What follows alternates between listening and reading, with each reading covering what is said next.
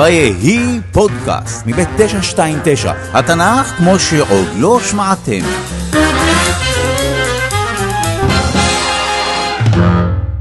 זהו הסיפור על שמשון הגיבור. חלק ראשון, הולדת שמשון.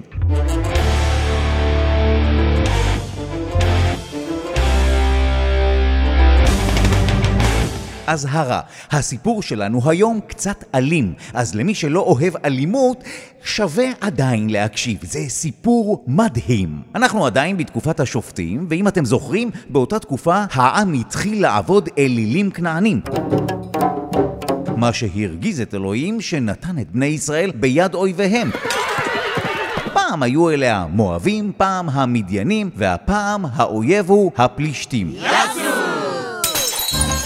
הפלישתים היו עם יוצא דופן. הם לא גרו כאן מאז ומעולם, אלא הם פלשו לכאן והגיעו בכלל מאזור טורקיה ומהאיים של יוון. חברים, הצלחות האלה הן ירושה מדודה שלי מלכה. אני מבקש לא לשבור אותן. אז איפה היינו? לפלישתים היה צבא מאוד חזק. הם היו לוחמים מיומנים, ובאותה תקופה הם משלו בישראל. וזה אומר שהשבטים הישראלים נאלצו לשלם לפלישתים מיסים מאוד גבוהים. יאסו!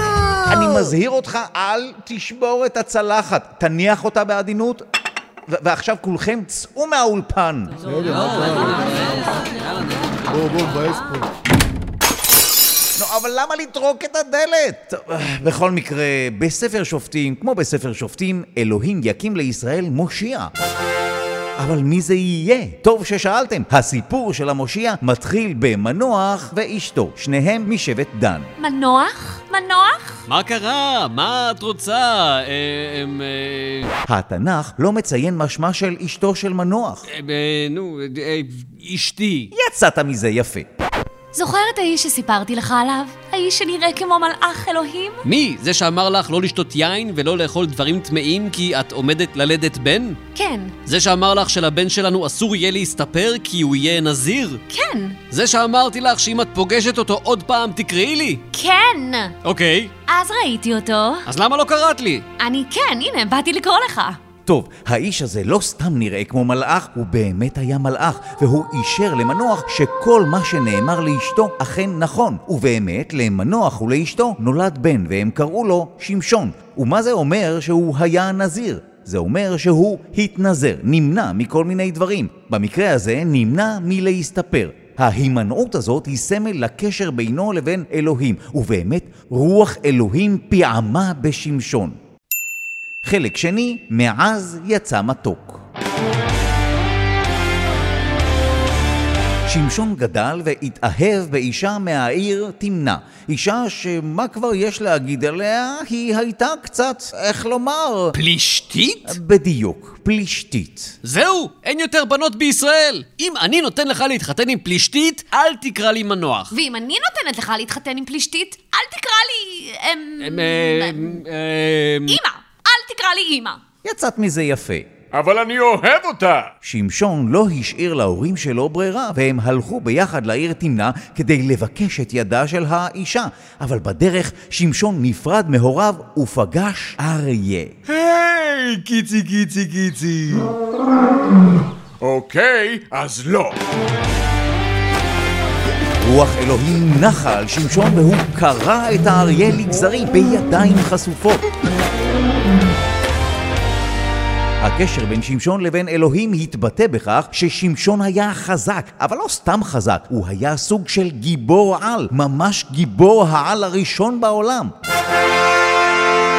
שמשון והאישה הפלישתית התארסו, ושנה אחר כך, כשהוא בא לקחת אותה לביתו, הוא עבר באותו מקום וגילה שנחיל של דבורים התנחל לו בתוך גופת האריה המת. שמשון רדה דבש מהאריה, אכל בעצמו וגם נתן להורים שלו לטעום, אבל לא גילה להם מהיכן הדבש, וזה חשוב. בואו נתקדם לחתונה של שמשון והאישה הפלישתית.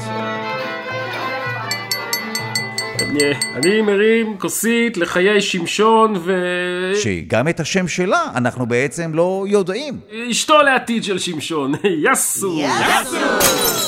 אלה צלחות שלהם, שיעשו מה שהם רוצים. עכשיו, יש שני דברים שמבאסים אותי בחתונות. אחד זה לגלות שיש רק קינוחים פרווה, והדבר השני הוא חברים, יש לי חידה בשבילכם. כשמישהו מתחיל לחוד חידות, וזו ההצעה ששמשון הציע לאורחים, שאגב, כולם היו פלישתים. אם תפתרו את החידה תוך שבעה ימים, אני נותן לכם 30 סדינים ו-30 חליפות בגדים. ואם לא תפתרו אותה, אתם תיתנו לי 30 סדינים ו-30 חליפות בגדים. אוקיי, אני טוב ביחידות, מעניין מה תהיה החידה של שמשון. אולי משהו שקשור למתמטיקה, אה, שתי רכבות שנוסעות זו לעבר זו, אולי בעיית אחוזים טובה. שימו לב, הנה החידה.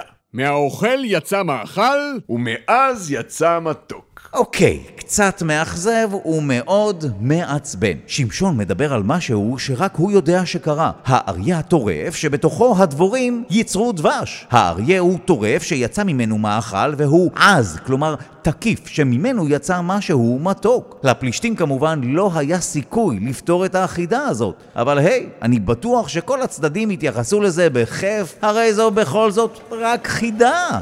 היי, את, נו... אה, איך קוראים לך? נו, נו, זאתי, אה, נו...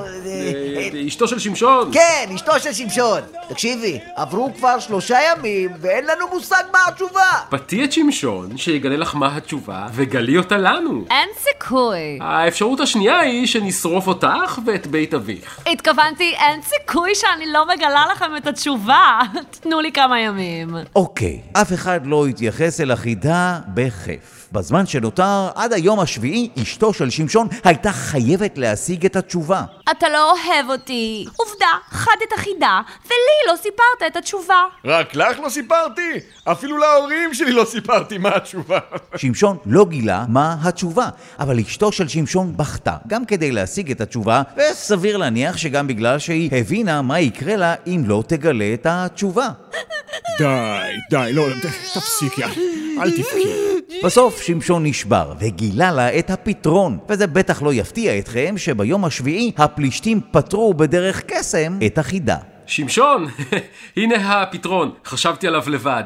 מה מתוק מדבש? מה עז מאריה? די, איך אה, זה אתה? פתאום צץ לי. איזה גאון אתה. שמשון ישר הבין מה קרה כאן. אם לא הייתם נעזרים באשתי, לא הייתם פותרים את החידה שלי. שמשון עמד במילתו ושילם לפלישתים 30 סדינים ו-30 חליפות בגדים, רק שאת החליפות הוא השיג בדרך קצת אה, שמשונית. בוא לפה, מה אתה? אקסטרה לארג'.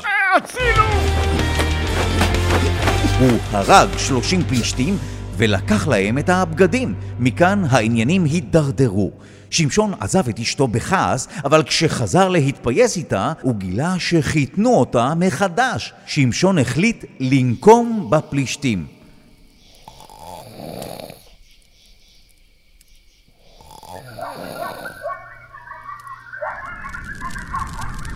תגיד, אליאטוס, יש חיה כזאת עם שמונה רגליים של שועל, שני ראשים של שועל וזנב בוער?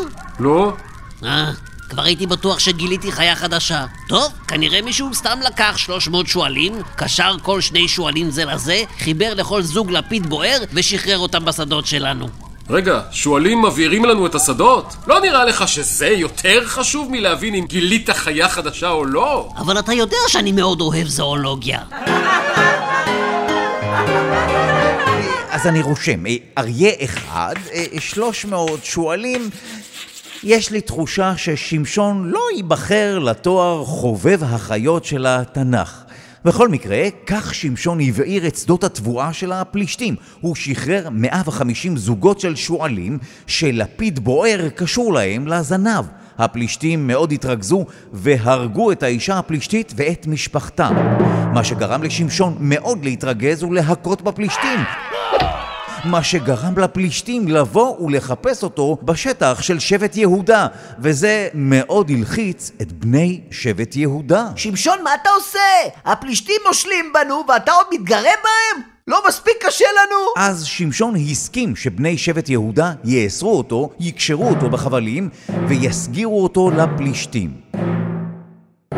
שמשון הקשור הוסגר למחנה הפלישתים שהריעו בשמחה. אוי, שמשון קרא את החבלים שקושרים אותו כאילו היו חוטים שרופים. כן, רוח אלוהים נחה על שמשון והוא קרע את החבלים בכוח העל שלו. שטויות! שטויות!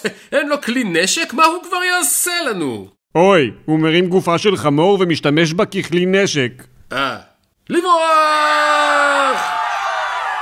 אוקיי, לפחות הפעם מדובר בחיה שמתה לפני שהיא נתקלה בשמשון. שמשון השתמש בלחי של החמור כדי להרוג אלף פלישתים. אלף פלישתים בעזרת לחי של חמור.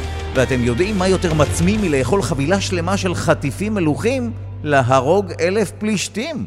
אז שמשון קרא לאלוהים, ואלוהים יצר לו מעיין. חלק שלישי, המזימה של דלילה.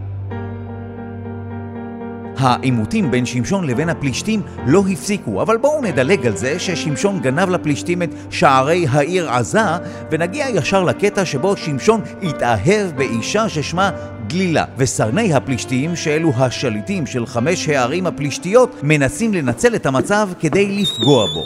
פס, דלילה! פתי את שמשון ובררי מה מקור כוח העל שלו, כדי שנוכל לפגוע בו. מה? למה שדלילה תבגוד בשמשון? הרי אין שום דבר חזק יותר מהאהבה. אם תעשי את זה, כל אחד מאיתנו ייתן לך אלף ומאה כסף. סגרנו. אוקיי, מסתבר שיש משהו יותר חזק מהאהבה. אלף ומאה כסף כפול חמש, שזה באמת המון המון כסף. אז דלילה פנתה לשמשון. שמשוני, גלה לי במה כוחך גדול. ואיך אפשר להכניע אותך? פליז. אוקיי. אם יקשרו אותי בשבעה חבלים לכם, אני אהפוך לחלש, ואפשר יהיה להכניע אותי. הדבר הבא שקרה זה שלגמרי במקרה סרני פלישתים הביאו לדלילה שבעה חבלים לחים והיא קשרה את שמשון, אולי בזמן שישן.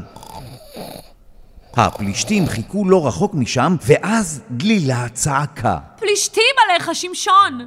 שמשון קם וקרע את החבלים בקלות. מה זה, שמש? עבדת עליי. עכשיו ספר לי באמת איך אפשר לכבול אותך. אה, באמת איך אפשר? עם חבלים חדשים שעוד לא השתמשו בהם אף פעם. אז דלילה ניסתה את זה. פלישתים עליך, שמשון! אבל גם זה לא עבד. האמת, את רואה שם את הנול? המכשיר שעליו הורגים בד. את צריכה לארוג את השיער שלי לתוך הנול. גם זה לא עבד, אבל דלילה המשיכה להציק לשמשון עד שכבר בא לו למות. נו תגיד לי, נו תגיד, נו מה אכפת לך? נו תגיד לי, נו תגיד לי, תגיד, תגיד, תגיד, נו תגיד לי. די כבר, בא לי למות! יודעת מה האמת? האמת היא שאסור לי להסתפר. מוזר שהיא לא שמה לב לזה עד אותו רגע. אני נזיר, וזה מקור הכוח שלי. אז הסוף של שמשון היה די עצוב. הוא נרדם על ברכיה של דלילה והיא גילחה את שיער ראשו בזמן שישן. מכיוון שזה באמת היה סוד כוחו של שמשון, הפעם סרני פלישתים הצליחו ללכוד אותו, הם ניקרו את עיניו ושמו אותו בכלא, שם עבד בטחינת קמח. שמשון היה בכלא לא מעט זמן, ויודעים מה קורה לשיער עם הזמן?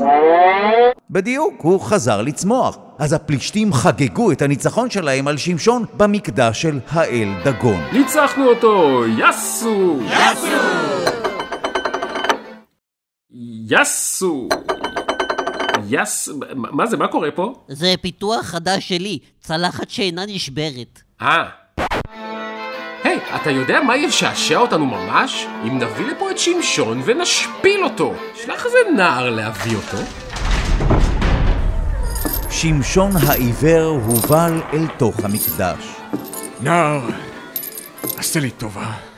במקום שתצטרך להחזיק לי את היד, תן לי להחזיק את העמודים של המקדש. העמודים שבעצם מחזיקים את המקדש? אלה שאם הם נופלים המקדש חרב? מעולה, מה כבר יכול לקרות? מה שקרה זה ששמשון קרא לאלוהים וביקש ממנו להעניק לו כוח על פעם אחת אחרונה כדי לנקום בפלישתים. הוא לפת את שני העמודים המרכזיים של הבניין, צעק תמות נפשי פלישתים! הוא מוטט את הבניין על עצמו ועל שלושת אלפים פלישתים.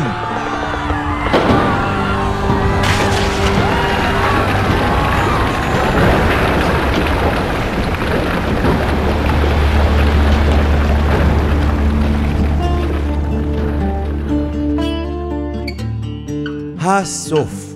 אמרתי לכם, סיפור רווי אלימות. לפני שנסיים, הנה משהו מעניין. הפלישתים אמנם נעלמו מהארץ, אבל חוקרים גילו שחזירי הבר שמסתובבים כאן בארץ, המקור שלהם הוא לא ישראלי. כנראה מדובר בצאצאים של החזירים שהביאו איתם הפלישתים. אז יכול להיות שכל חזירי הבר שגרים בישראל הם בעצם פלישתים. ועכשיו הגיע הזמן לשאלה. שמשון מאוד שונה מהשופטים האחרים שעליהם מסופר בספר שופטים. הוא מתחבר לפלישתים ופוגע בהם מתוך נקמה אישית, והוא בכלל לא מנהיג של העם. למה לדעתכם אלוהים בחר בו? מה אתם חושבים שהעם חשב עליו? אני חושב... מה זה? זה? מה זה? היי דודו.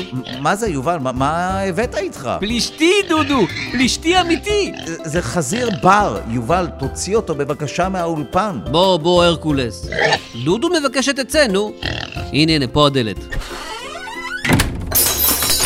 הוא שבר את הצלחות של דודה מלכה. אני מקווה שאתה מרוצה. הסוף.